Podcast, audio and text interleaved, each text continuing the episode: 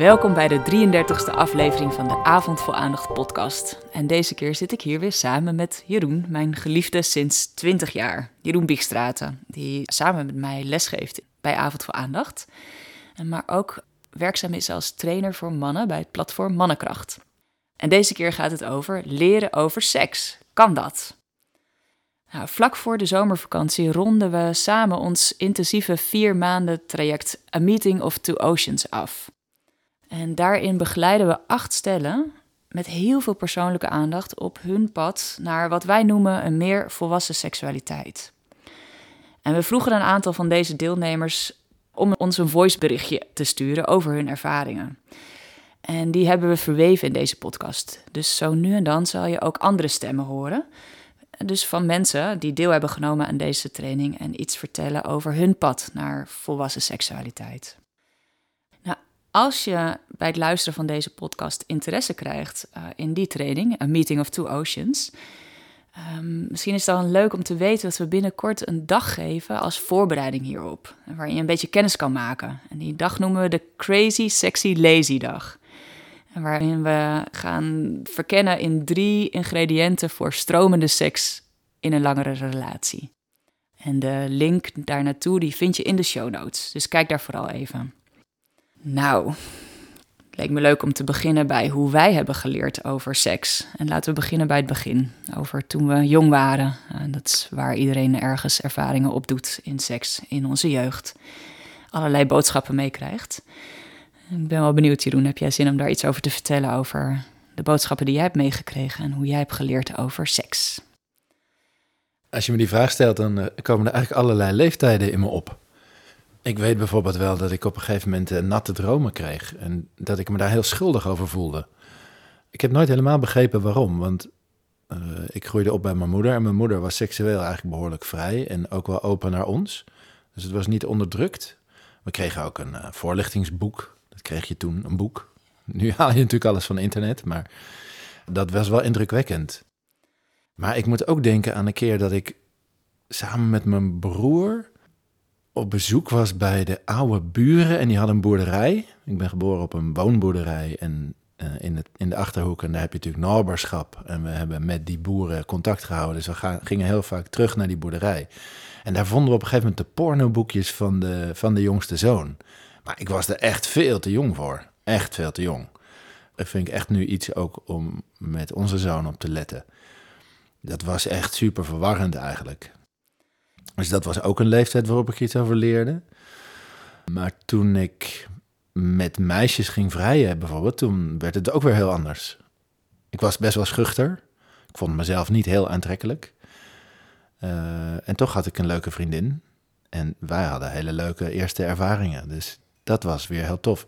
Maar ik ging bijvoorbeeld ook, dan, dan was ik thuis en dan voelde ik me eenzaam. En dan ging ik bijvoorbeeld heel veel masturberen. Het had ook weer die lading. Dus er zijn echt best wel veel eerste ervaringen, realiseer ik me eigenlijk. Leuk, dat herken ik wel. Of leuk, weet ik niet. Maar de gekke combinatie tussen bepaalde openheid over seks. Ik vond mijn ouders ook niet speciaal gesloten daarover. Hoewel ze seks wel bij ons weghielden. Dus dat heeft dan meteen iets verwarrends. Dus mijn moeder was, was er open over, gaf ons misschien net iets te vroeg ook al iets van seksuele voorlichting. En toch, als ik met mezelf speelde, aan het masturberen was, dan voelde ik me ook verschrikkelijk schuldig. En ik dacht ook, ik word hier ziek van, dit is niet goed. Interessant, hè? Dus seks en schuld zijn heel erg aan elkaar gekoppeld in mijn herinnering. Ja, en wat ik daarna herinner is dat we als we met elkaar film aan het kijken waren. We keken heel graag naar James Bond films bijvoorbeeld. En daarin verovert James Bond dan zijn prachtige, schone dames. Ik weet nog dat we dan in de woonkamer zaten en als zo'n scène kwam, dan voelde ik altijd een soort lichte paniek. en mijn ouders werden altijd heel stil, mijn broer en ik werden heel stil. Het was bijna alsof iedereen zijn adem inhield van mag dit? Kan je hier nou naar kijken? Dat is ook zo verwarrend eigenlijk ik voel wel van wat voor seksuele boodschappen daarin zitten. Is van hij neemt de leiding, zij laat zich nemen. Het zijn natuurlijk spectaculaire scènes in James Bond. Maar je voelt wel, omdat het in de film zo spectaculair is, dat is natuurlijk niet normaal. Want normaal doe je het achter gesloten deuren. Ja, ze kan voelen een soort dubbele boodschap. Van dit zou, dit zou geweldig moeten zijn en hier heb je het. Maar het is ook verborgen. Ja, en mijn eerste seksuele ervaring met mijn vriendje was wel ook lief en fijn op een bepaalde manier. Maar het was ook allemaal heel snel. Dus ik had een heel leuk vriendje waar ik heel blij mee was. En ik voelde echt van ja, wij gaan een tijd samen blijven. En dat is ook zo gebeurd. We zijn wel tweeënhalf jaar samen geweest. Wat op de tijd, als je 16 bent, best lang is. Ehm, maar ik had ook meteen een soort druk daarachter van na twee weken moest het al gebeuren. En ook tijdens het vrije zelf heb ik gewoon helemaal niet durven wachten totdat mijn energie ook echt ging stromen erin. Ik dacht echt, nou klaar, dit moet gebeuren. Punt. En hup, daar gaat hij dan. En ik denk dat het een nog veel fijnere ervaring zou zijn geweest als ik echt de tijd had durven nemen. Maar dat heb ik heel lang daarna ook echt niet gedurfd. Ik realiseer me nu dat dat misschien wel de beste tip is aan Kohan straks ook. Van neem gerust wat tijd.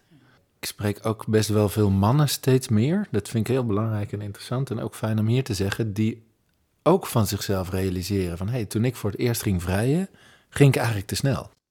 Maar ik weet ook nog wel dat de hormonen gierden gewoon door mijn lijf.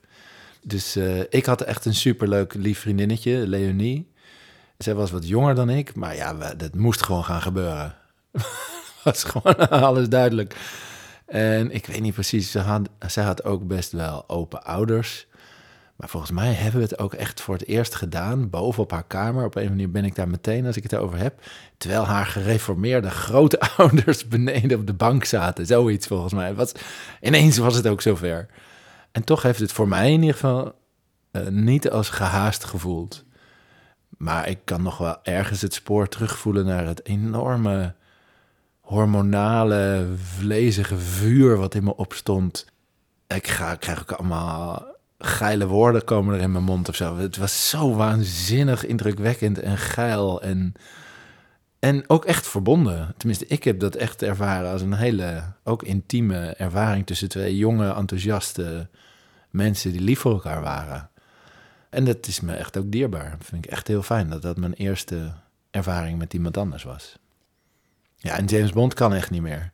Die is volgens mij ook officieel uh, bekeken recent, zoals wel meer films van... Uh, Wauw, hoe keken we toen naar de rol van de man en de vrouw en seks en wat jij ook zegt. Oh ja, dus er zijn scènes met Sean Connery. Dan misschien zouden we dat nu echt wel typeren als aanranding. En het is ook erotisch goed, het is een beetje een ander onderwerp, maar dat, dat het overweldigen en het overweldigd worden uh, heeft ook iets gaafs of zo. Maar dat moet natuurlijk wel in respect met elkaar of zo. Nou goed, het is een beetje een ander onderwerp, maar wel ook heel interessant. En James Bond doet dat gewoon, bam. Ik denk, eh, als het gaat over overweldigen, dat is een beetje een rot woord, hè, want er zit meteen het woord geweld een beetje in. Maar als het gaat over je helemaal kunnen loslaten, hè, omdat iemand even helemaal de leiding neemt of omdat iets door je heen stroomt waarop je kan loslaten, ik denk wel dat dat een groot verlangen in ons is. En ik denk ook dat dat is wat in die James Bond scènes zo interessant en sexy en geil is eigenlijk. Dat dat is wat ons aanspreekt. Wat veranderde voor jou uh, in seks toen je tantra ging beoefenen?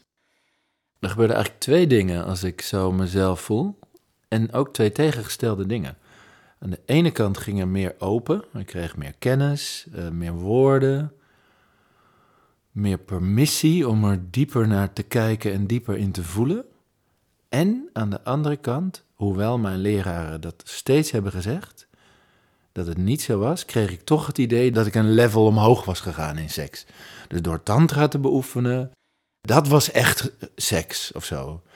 Maar als ik heel eerlijk terugkijk, viel het vlezige en het geile en het warme er via die interpretatie van mezelf over tantra behoorlijk uit. Dus ik heb het ook een tijd genomen als een beetje superieure seks. Dat het niet meer zo over geilheid zou gaan en over lust. Dat is eigenlijk niet oké. Dat heb ik er toch subtiel zelf van gemaakt.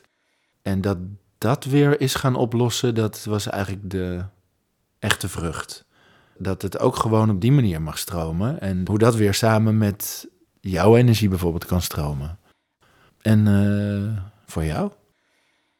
Ja, ik ging eigenlijk heel erg voelen dat seks zo gaat over het leven zelf. En dat seks en het leven bijna niet van elkaar te onderscheiden zijn. Op een heel diep level.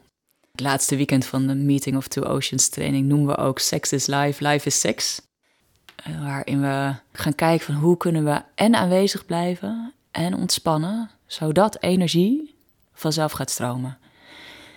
En ik denk dat we onszelf op allerlei plekken heel erg opjutten of onszelf tegenhouden, onszelf onderdrukken en proberen te persen in een bepaalde vorm. En als ik naar mijn eigen leven kijk voordat ik aan Tantra begon, dan deed ik dat op alle vlakken. En hoe ik dat in seks deed, was bijvoorbeeld door mezelf heel erg op te jutten om sneller te gaan. Dus ik was de hele bezig met de man en mijn vriendje, mijn partner, als norm te nemen. En hij was gewoon snel opgewonden. En ik ging proberen om daar een goede minnares voor te zijn, die die snelle opwinding ja, oploste of zo, zo snel mogelijk. Dus ik kon helemaal niet voelen wat ik nou eigenlijk wilde. Ik kon helemaal niet voelen waar ik het eigenlijk misschien niet meer zo fijn vond. Ja, dat kon ik wel voelen, maar er ging gewoon dwars overheen.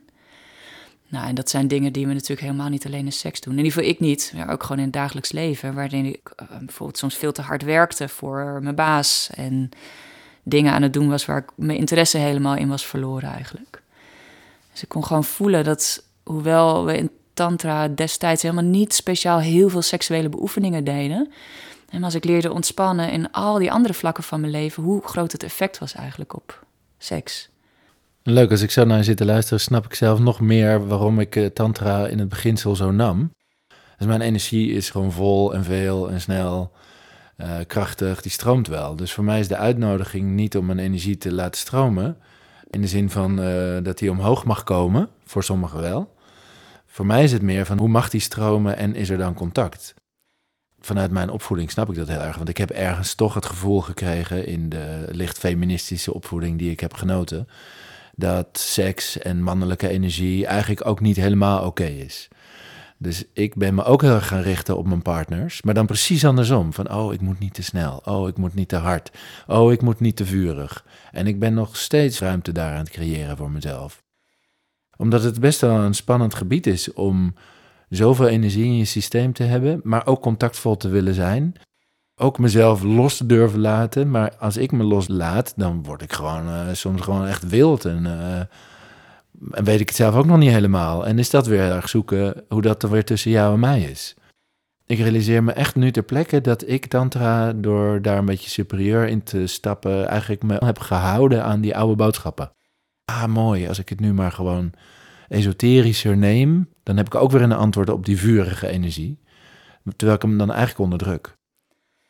Dus toen ik dat in de gaten kreeg en echt voelde van ja, maar wacht even in mij gaat het gewoon als een dolle. En ik vind jou echt super sexy. En dat is ook gewoon echt waar. En het leven zelf. En seks. En mooi en tof. Ik denk eigenlijk dat heel veel stellen in deze dynamiek zitten. Dus dat je als man ook echt uh, zorg mag dragen voor je eigen seks. Dus dat het niet verkeerd is dat je bijvoorbeeld snel en vurig bent. In het besef dat vrouwen, zoals jij eigenlijk ook vertelt, misschien een tijd lang subtiliteit in seks zijn verleerd. En nu weer tijd komt om te zeggen van... hé, hey, dit gaat me wat te snel, ik heb tijd nodig. Wat super belangrijk is en fijn. Dat we dat niet gaan vertalen als... ja, maar als je wel snel bent, ben je niet oké. Maar dan is de uitdaging iets anders. Van hé, hey, hoe bereik je elkaar dan? Of hoe kan je allebei stromen? En wat is dan fijn? En dat doen we natuurlijk in Meeting of Two Oceans. Daar geven we al die tools voor. Uh, volgens mij is dat heel vruchtbaar voor mensen. Je hoeft niet hetzelfde te zijn om fijne seks te hebben. Sterker nog, de verschillen maken juist dat seksuele energie kan stromen. Omdat energie nou eenmaal stroomt tussen min en plus. Tussen de plekken waar het grootste verschil is, is er de grootste stroom van energie. Ja, dat vond ik echt heel fijn om te leren in Tantra. Dat uh, je eigen kleur, je eigen smaak, hoe jij tevoorschijn komt, precies dat voedend is voor het veld. Dus dat, dat het veld tussen jullie, het veld met je partner, het samen zijn eigenlijk versterkt in plaats van verzwakt. En dat is iets wat we snel kunnen denken. Dus ik heb me veel aangepast. Ik heb veel mezelf opgejut, omdat ik dacht dat is beter voor ons, dat is beter voor seks. Ja, we zijn eigenlijk zulke gevoelige wezens dat we in verbinding altijd de angst hebben om die meteen weer te verliezen. Dat zit hand in hand. En dat is logisch dat je onder die invloed aanpast.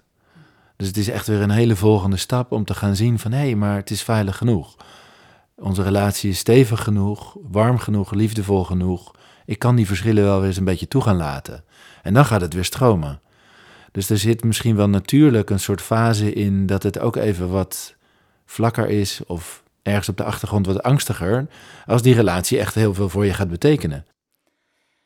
Dus als je een beetje gaat neuken als het geil is, omdat je hebt elkaar net ontmoet, dan, uh, wow, dan kan het ook weer uit elkaar spatten. En dat is oké. Maar als je gaat voelen van, hé, hey, maar dit wordt echt iets, dan sluipt ook de angst in van, oeh, maar als het iets wordt, dan zou het ook niet iets kunnen worden en dan verlies ik weer iets. Dus volgens mij zit er altijd iets van aanpassing om te kijken van hoe kan dit bij elkaar blijven. En als ik nou te veel verschil, loop ik te veel risico dat het weer stopt. Dat doen we niet bewust, hè, maar dat zit gewoon diep in ons. We zijn groepsdieren, we zijn heel sociaal ingesteld. Hoe individualistisch de maatschappij ook lijkt. In onze psyche en in onze DNA zit het echt dat we samen willen zijn. Dus de volgende fase is dan echt weer gaan voelen: oeh, maar ik ben wel een beetje anders. En kunnen wij dat hebben? En oh, dat begint er wel te werken, maar oeh, uh, kan ik het hebben ook? Kan ik voelen van, kan eigenlijk best. Ik heb met jou ook recent steeds meer ervaringen dat ik voel van, hé, hey, maar ik hou mezelf terug. En als ik dat niet doe, dan blijkt er gewoon veel meer te kunnen dan vanuit het oude idee van, oeh, ik moet me een beetje inhouden. Dus ook mijn blik verschuift. Daar daag ik mezelf ook uit om te zeggen van, uh, nee, het kan wel, ga maar doen. Ga maar gewoon doen. Ik realiseer me twee dingen als ik naar jou luister. En één is dat ik mezelf heel lang fout heb gemaakt omdat ik nooit seks initieer. En dat ik er nu heel comfortabel mee voel eigenlijk. Jij bent degene die seks initieert. Of we hebben het gewoon in de agenda gezet. Voor onze date nights. Op die manier komt het altijd aan bod. Maar ook dat ik mezelf niet meer fout vind. Omdat ik dat niet speciaal doe. En dat ik eigenlijk mezelf steeds meer aanleer om gewoon in te gaan op jouw initiatie eigenlijk. Op en dat je me uitnodigt om te vrijen. En ik realiseer me ook dat ik voorheen heel veel daar niet op in ben gegaan en heb gezegd: nee, ik wil niet. Omdat ik dacht, ja, als ik A zeg, dan moet ik ook B, C tot en met Z zeggen. En dat heeft me heel lang weer houden om ook gewoon ja, met je een beetje te knuffelen, aan te raken, een beetje tegen elkaar aan te liggen, een beetje te zoenen. En ik heb mezelf daar eigenlijk tekort gedaan, realiseer ik me. Ik dacht, als ik dat eenmaal doe, dan, dan moet ook de rest. Maar dat is, dat is maar een aanname. En daar heb ik mezelf heel veel intern opgejut. Ja, en ik, misschien onthul ik dan iets, maar je zou ook zomaar zin kunnen krijgen in B, C, D, E eh, tot en met Z. Dus dat mag dan ook niet. Dus het gaat ook over uh, wat je maakt van al die vervolgstappen. Want wij vrij je ook wel eens en dan begint het een beetje. En ineens dan komt er echt een soort energie vrij. En dan blijkt je gewoon lekker mee te gaan in al die dingen. Maar ik snap heel goed dat je het niet wil, dat het moet. Dat moeten is natuurlijk de hel.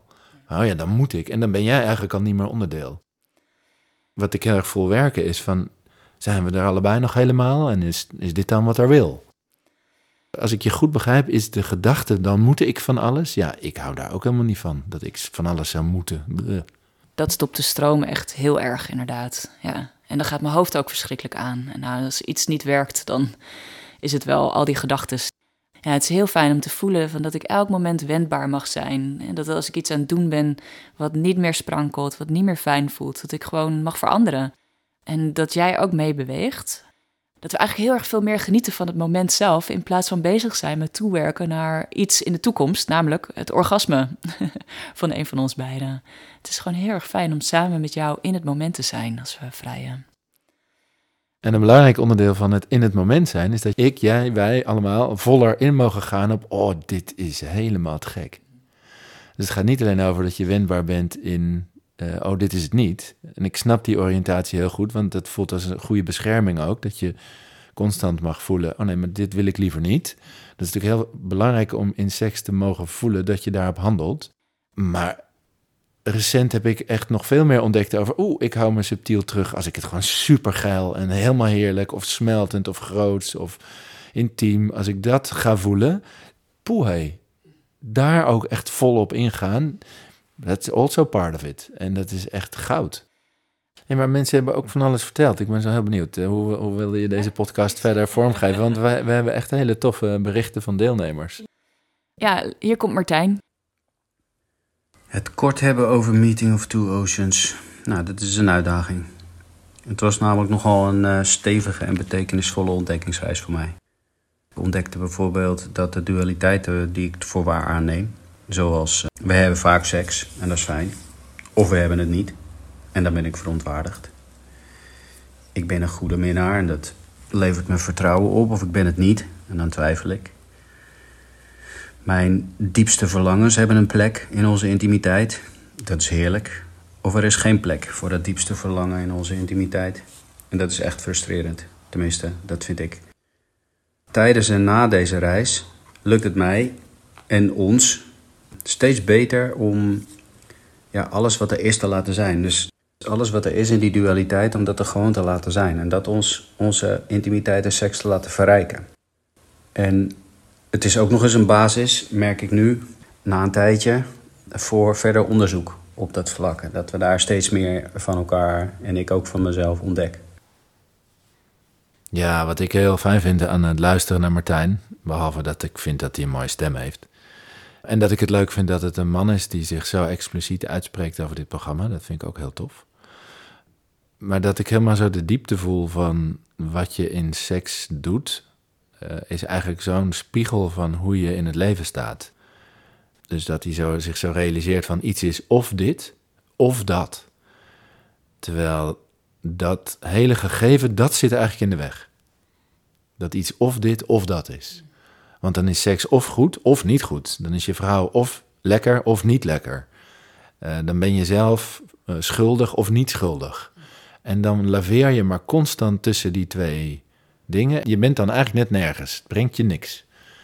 Het brengt geen verbinding. Sterker nog, of is per definitie natuurlijk scheidingmakend. Dus als je in je seks een handeling die diepe verbinding kan veroorzaken, bezig bent met of, dan ben je jezelf ontzettend in de weg gaan zitten. En dat is een van de dingen die we doen en die via seks kan smelten en helder worden. Waardoor en je seksualiteit fijner en verbondener wordt, en je leven stromender en vloeiender en verbondener. Dus uh, ik ben hem heel dankbaar voor deze woorden. Ja, dus het probleem zit hem er helemaal niet in dat we in het leven of in seks allerlei dingen meemaken. Dat we soms gefrustreerd worden, verdrietig worden, heel blij worden, heel vervuld raken. Dat we al die dingen meemaken is geen enkel probleem, zolang we onszelf er maar niet over veroordelen. Of dat we het fout maken dat we het meemaken. Eigenlijk gebeurt het daar, hè? daar stokt de stroom.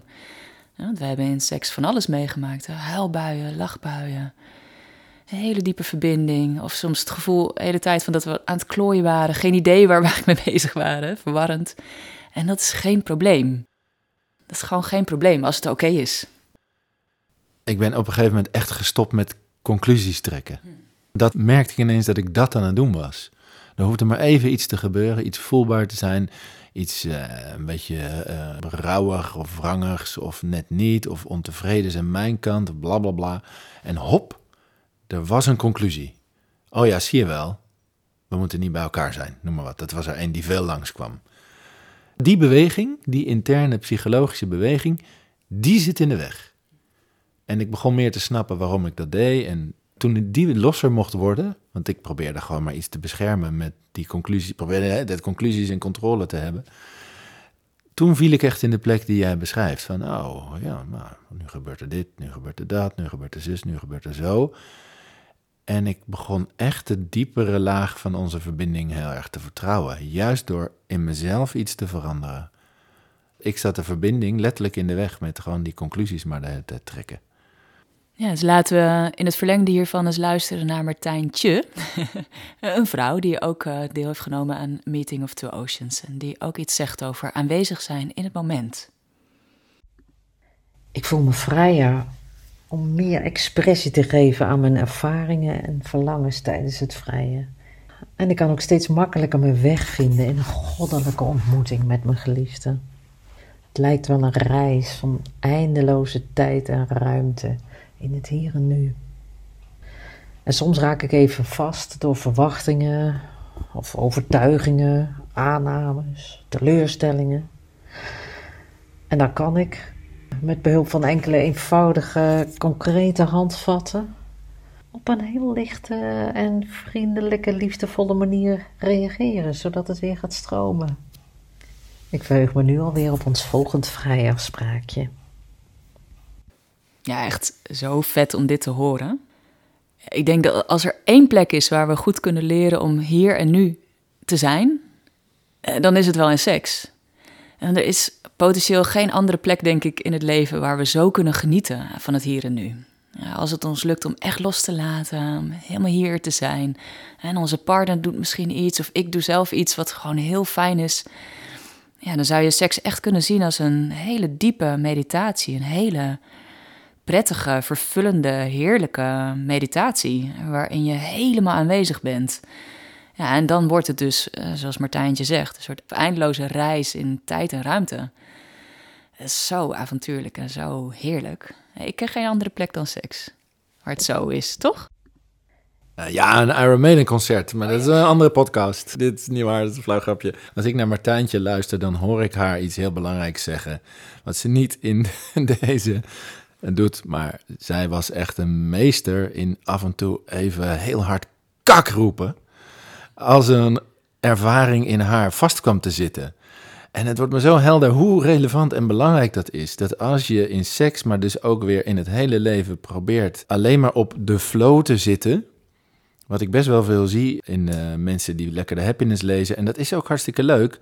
Maar die flow wordt echt veel dieper en vrijer als die ook mag stromen naar de kak.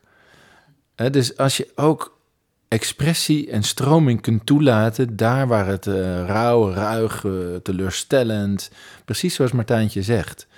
Het wordt me ineens zo helder hoe ook dat geen of-of is. Het is ook daar niet of leuk of niet leuk.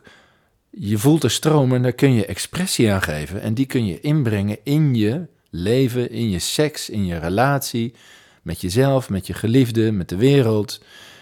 Dat zijn de sleutels daar gaat in de diepte Meeting of Two Oceans over. Dat je eigenlijk steeds contact kunt maken met je ervaring en daarin de keuze hebt of ermee dicht te slaan en weg te gaan, of er de weg mee te vinden, of eigenlijk andersom, de stroom zijn weg te laten vinden in jou. Dus je te openen voor je ervaring.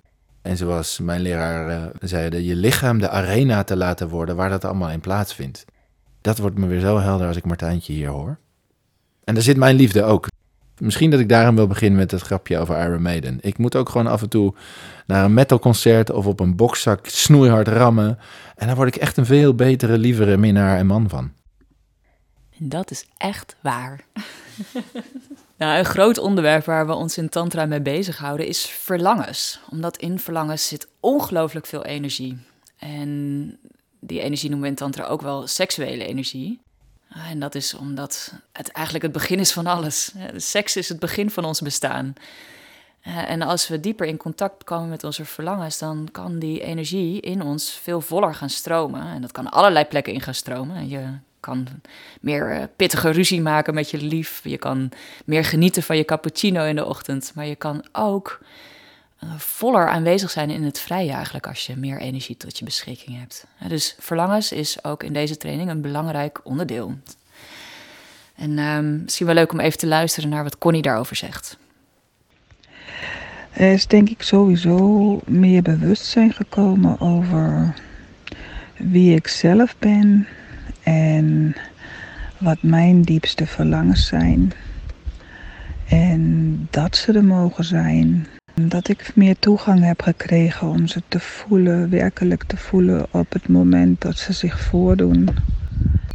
In tegenstelling tot uh, vroeger, dat ik eigenlijk altijd maar iets voelde knagen in mijn hart of in mijn buik. En daar verdrietig over was, maar niet besefte precies. Uh, dat ik daar dat helder kon krijgen en ook niet besefte dat ik daar uiting aan kon geven en dat ik me daar echt mee kon verbinden. En of dat verlangen nou wel of niet kan worden vervuld uh, door mijn partner. Of dat ik wel of niet wil dat dat verlangen door iemand anders wordt vervuld dat maakt eigenlijk niet zo heel veel meer uit. Um, het is nu veel belangrijker dat, dat ik het voel en dat ik het erken, dat ik mezelf lief heb daarin. En dat is echt uh, voor mij een grote winst. Dank je wel. Dank jullie wel. Jij hebt me eh, zeker vroeger, maar ook nu trouwens, best wel vaak gevraagd van uh, wat vind je eigenlijk lekker in seks? En dat ik stevast zei, in ieder geval vroeger, en nou gelukkig is het af en toe in ieder geval anders. Maar dat ik altijd zei van geen idee, doe maar wat. En dus dat ik eigenlijk helemaal niet wist wat ik verlang. En dat heeft dan weer te maken met dat ik helemaal niet in mijn lichaam kon voelen. Eh, mijn lichaam, wat me allerlei signalen geeft de hele dag door over wat lekker is, wat niet lekker is, waar ik naartoe wil, waar ik vandaan wil bewegen. Wat ik me realiseer trouwens, uh, nu ik erover spreek, van wat ik verlang is één ding, maar waar mijn grenzen liggen is ook een ander ding. Dat is ook wat mijn lichaam zegt. Ik vind het zo mooi wat Connie zegt eigenlijk, dat, dat ze zichzelf is gaan liefhebben, ook in haar verlangens. Dat is zo'n plek waar zoveel schaamte over kan zijn, want ja, iedereen wil iets, ik wil ook iets. Ik heb verlangens in seks, maar als ik dat fout ga maken, dan stokt mijn energie. Maar als ik ermee tevoorschijn mag komen, of ze nou vervuld worden of niet, maar dan gaat in ieder geval iets van die energie stromen. Natuurlijk is het ook fijn als ze wel vervuld worden. Zo is het, hè? Maar soms worden ze gewoon niet vervuld. Dan kan je me iets niet geven, misschien, wat ik graag zou willen. Maar dan nog kan ik mezelf liefhebben in dat verlangen. En dan kan ik zeggen: Ja, maar ik heb het wel, dit verlangen. Ik wil het wel graag. Of het nou kan of niet. Heel benieuwd wat jouw ervaring daarmee is met verlangens en seks. Nou, ik realiseer me dat uh, de slag naar buiten eigenlijk de uitdaging is. Dus ik kan het wel voelen, maar dat ik het spannend vind om het echt te zeggen. Om het echt, om er echt achter te gaan staan van wat ik echt zou willen. Want dan kom ik eigenlijk al die oude boodschappen ook tegen. En als het niet in die boodschappen valt, dan wordt het nog spannender. Dus uh, lieve tantrische luisteraars, ik had laatst zin in een potje rampentampen. en dat wordt dan spannend om mee tevoorschijn te komen. En of dat dan moet gebeuren, is echt weer het volgende. Het is het mee tevoorschijn komen met mijn puurste seksuele verlangen. Wat heel levendig is, maar wat me ook het meeste uitdaagt om eerlijk te zijn. Dus ik ken wel dat er een soort snelle aanpassing ook wel weer daar is. En als ik dat ga zien als van oeh, ik vind het spannend, dan kan ik er weer mee tevoorschijn komen. En ik meen ook wat ik zeg, het gaat er dan nog veel meer om dat ik het durf in te brengen en dan gewoon opnieuw durf te voelen van, uh, ja, het zat helemaal niet, je had helemaal geen zin in rampetamp. het is ook maar een woord, hè. Maar dat was wel de energie van, oh, ik heb zin om even lekker wild en woest en allemaal, bah, niks, geen, nergens rekening mee te houden en kom hier met je lekkere lijf, bang. Dat was het.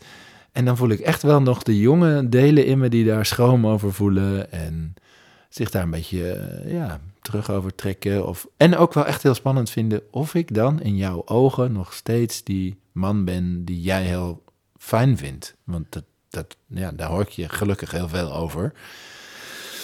En dan wil ik natuurlijk niet verspelen.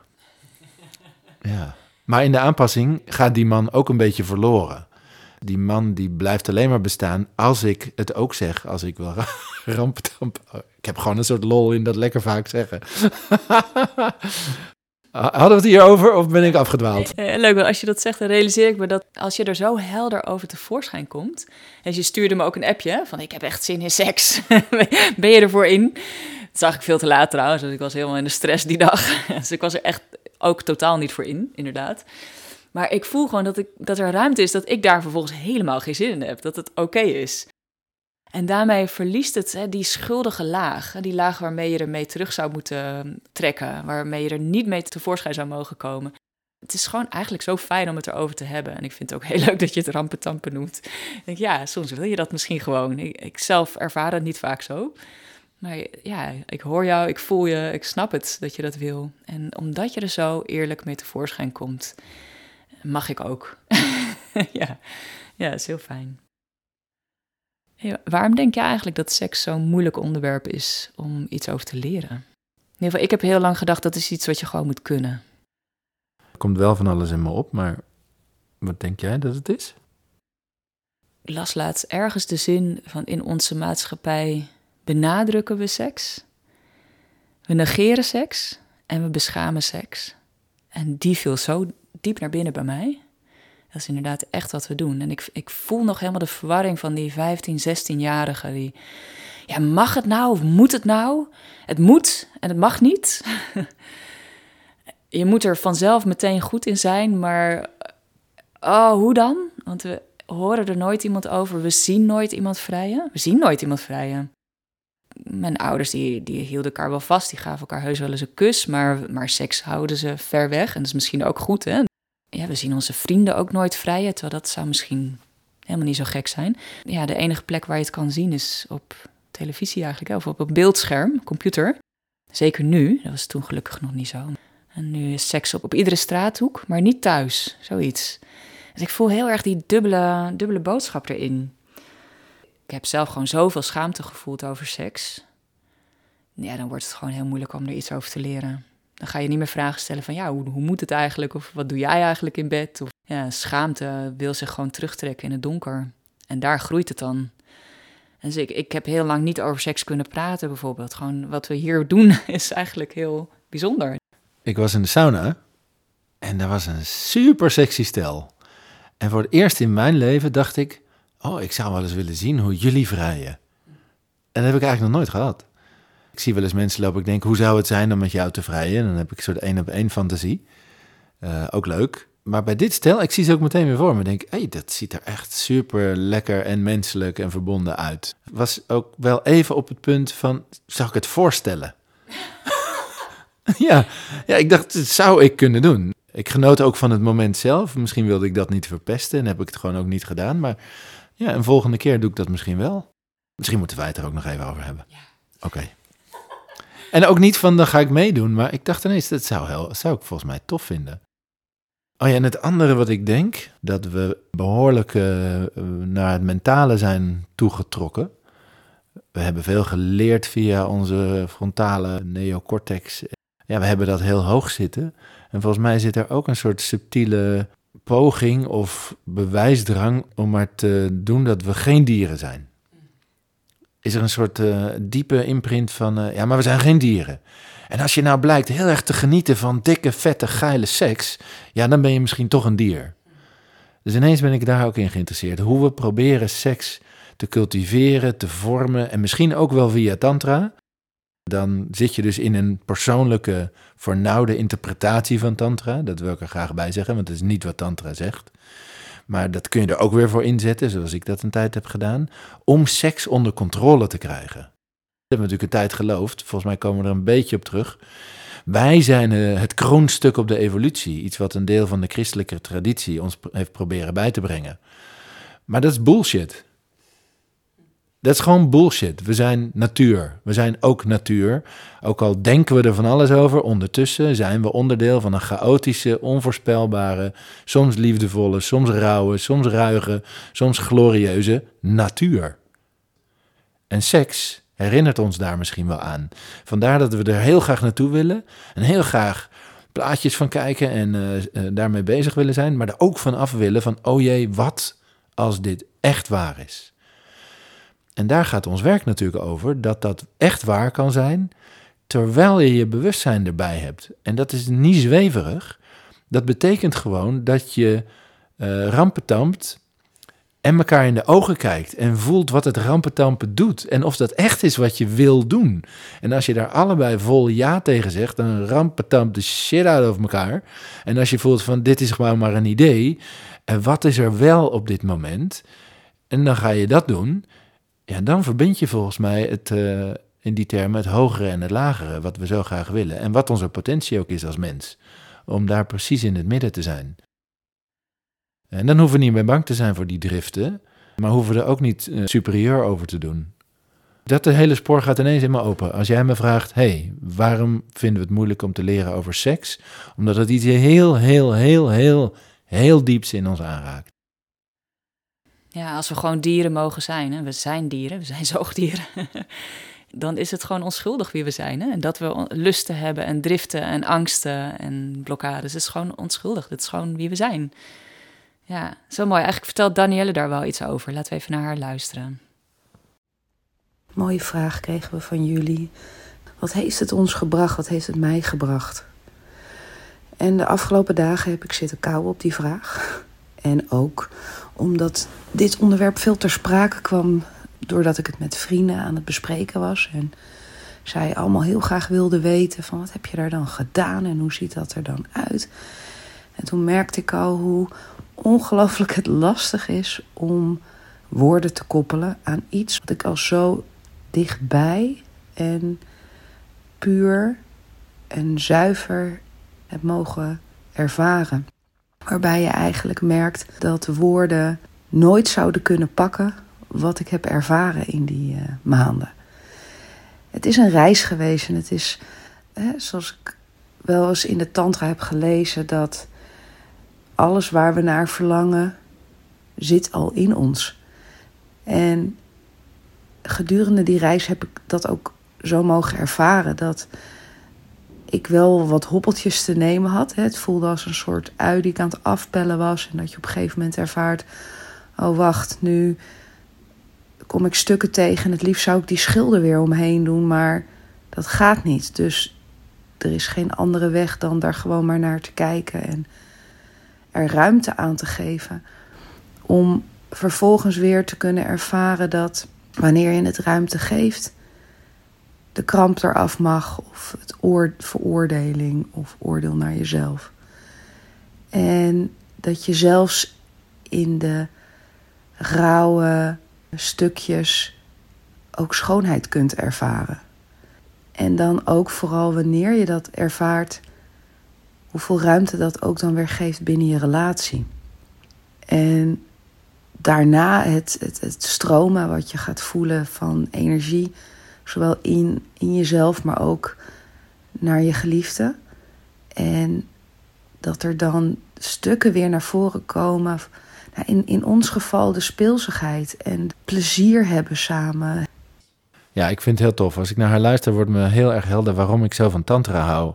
Het nodigt namelijk uit om je ervaring echt heel direct te nemen en alles wat je ertussen zet, als het ware te gaan zien, dat het poreuzer kan worden. Nou, dat klinkt een beetje vaag, maar wat ik bedoel is hoe vaak heb je niet gewoon een gevoel en dan geef je het een naam. Oh ja, ik ben kwaad. En dan via die conclusie ga je je op een bepaalde manier gedragen en ga je iets over een ander vinden. Terwijl in de kern ervan is het gewoon een fysieke sensatie die door je heen stroomt. En Tantra brengt je in ieder geval weer terug in dat bewustzijn. En dan hoef je helemaal niet zoveel conclusies te trekken over jou, over de ander, over je relatie, over dat moment, over de wereld voor mijn part. Maar kun je je heel direct verbinden met jouw ervaring. En die komt en gaat. En dan kun je gewoon blijven stromen en kun je blijven vrijen met je geliefde of met de wereld. Dus daar zit een hele krachtige tool op dit pad. Om de afstand tussen jou en je ervaring rustig aan steeds kleiner te laten zijn. Ja, mooi. En dan zou het zomaar kunnen zijn dat je heel speels wordt, hè? zoals Daniel ook zegt. ja, prachtig. Dus ik ga het speelsheid ervaren. Nou, als er iets is wat we verliezen als volwassenen, dan is het wel speelsheid. En wat komt met een soort gevoel van onschuld, denk ik. En gewoon maar eens op onderzoek uit. En willen weten wie ben ik, wie is de ander. En wat kunnen we hier ontdekken over elkaar. En dat is speels. Maar als we ons zo openen, dan worden we ook heel raakbaar en kwetsbaar. Jezelf zo te laten zien is echt super naakt eigenlijk. Dus ik heb wel lang geprobeerd mezelf te beschermen en niet zo speels te worden, me niet zo over te geven, me niet zo te laten zien, omdat het zo dichtbij is. Wat is dat eng? Oh, ik moet ineens denken aan Koan en ook aan kleine Jeroen. Dat de vraag aan een vriendje op het schoolplein: wil je met me spelen? Daar moet ik zo aan denken. Die is echt heel kwetsbaar. Dus alsof vrije inderdaad ergens ook nog steeds dat deel in me wakker maakt van... wil je met me spelen? Dan doen we er liever serieus over. Oh ja, dus vrije... Nee, ik bedoel, uh, ik bedoel een volwassen ding hoor. Nee, maar ik, maar ik bedoel ook spelen. Dat is spannend om te vragen. Ja, dus dat doe je alleen maar met iemand die je vertrouwt eigenlijk. Hè? Dus hier kom je aan bij een diepere laag in seks. En waar je niet komt met een one-night stand, denk ik.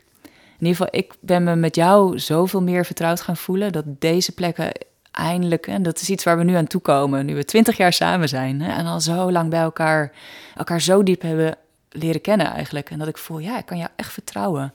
Ik kan ook deze kant van mezelf laten zien.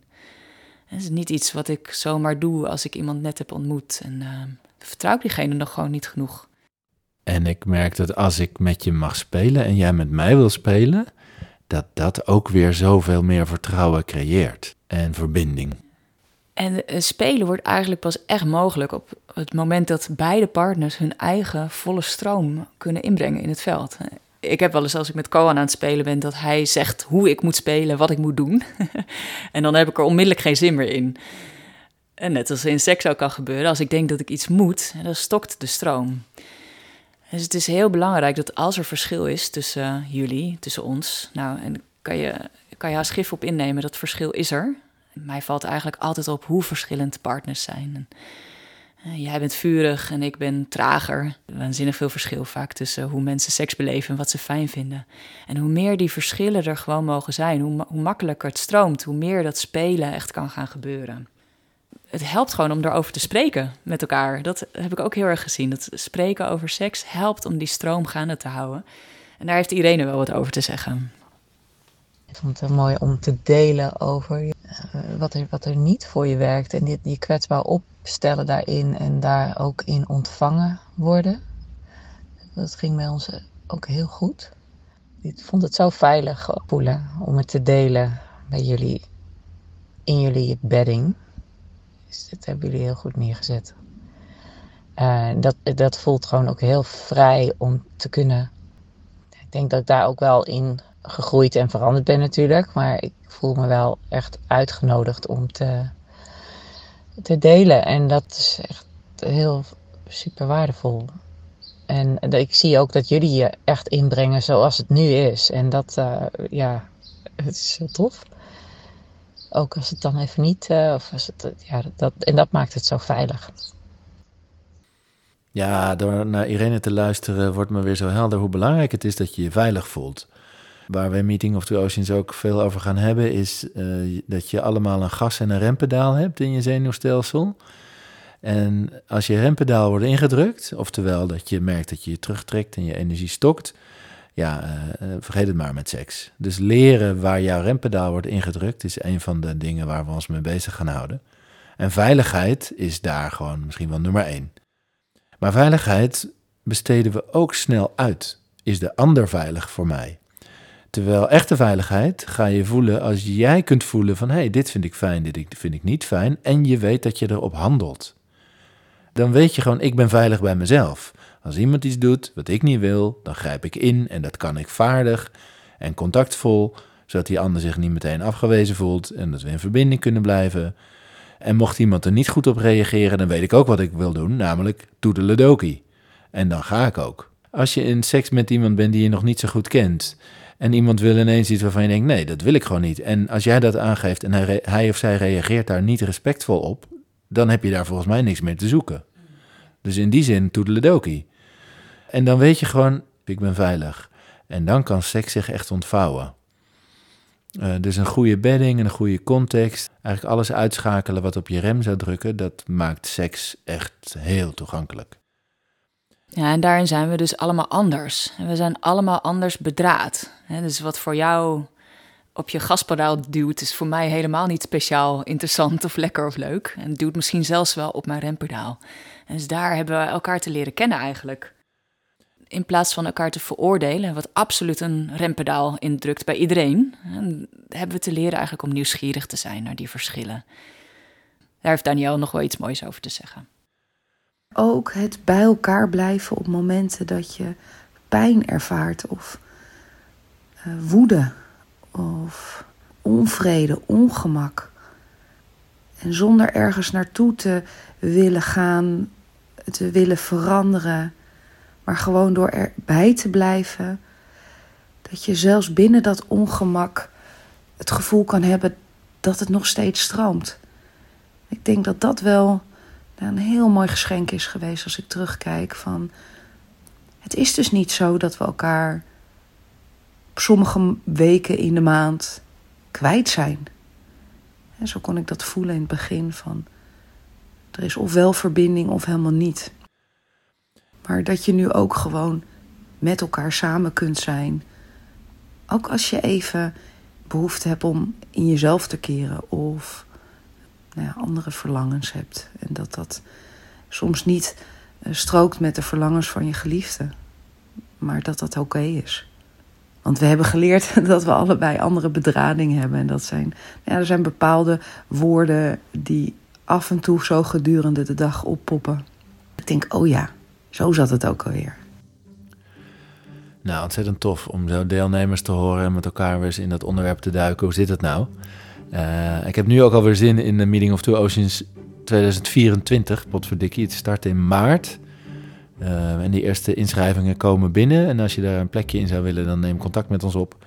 Misschien zit je naar een aantal dingen te luisteren van, ja, maar hoe doe je dat dan? Daar duiken we dan in. En daar gaan we je heel veel, ook echt hele praktische tools voor geven. Ja, als een vier maanden traject misschien net een beetje too much is meteen, dan uh, kom naar onze Crazy Sexy Lazy dag. Waar we een reis gaan maken langs de drie ingrediënten die nodig zijn om seks stromen te houden, ook als je een langere relatie hebt.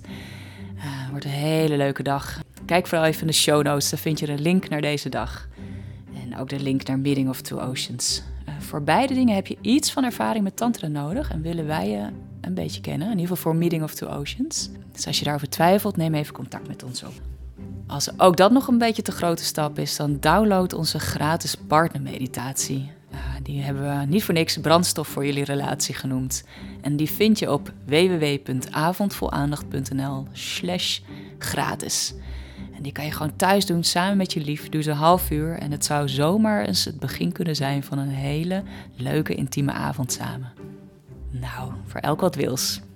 Hey, uh, tot de volgende keer.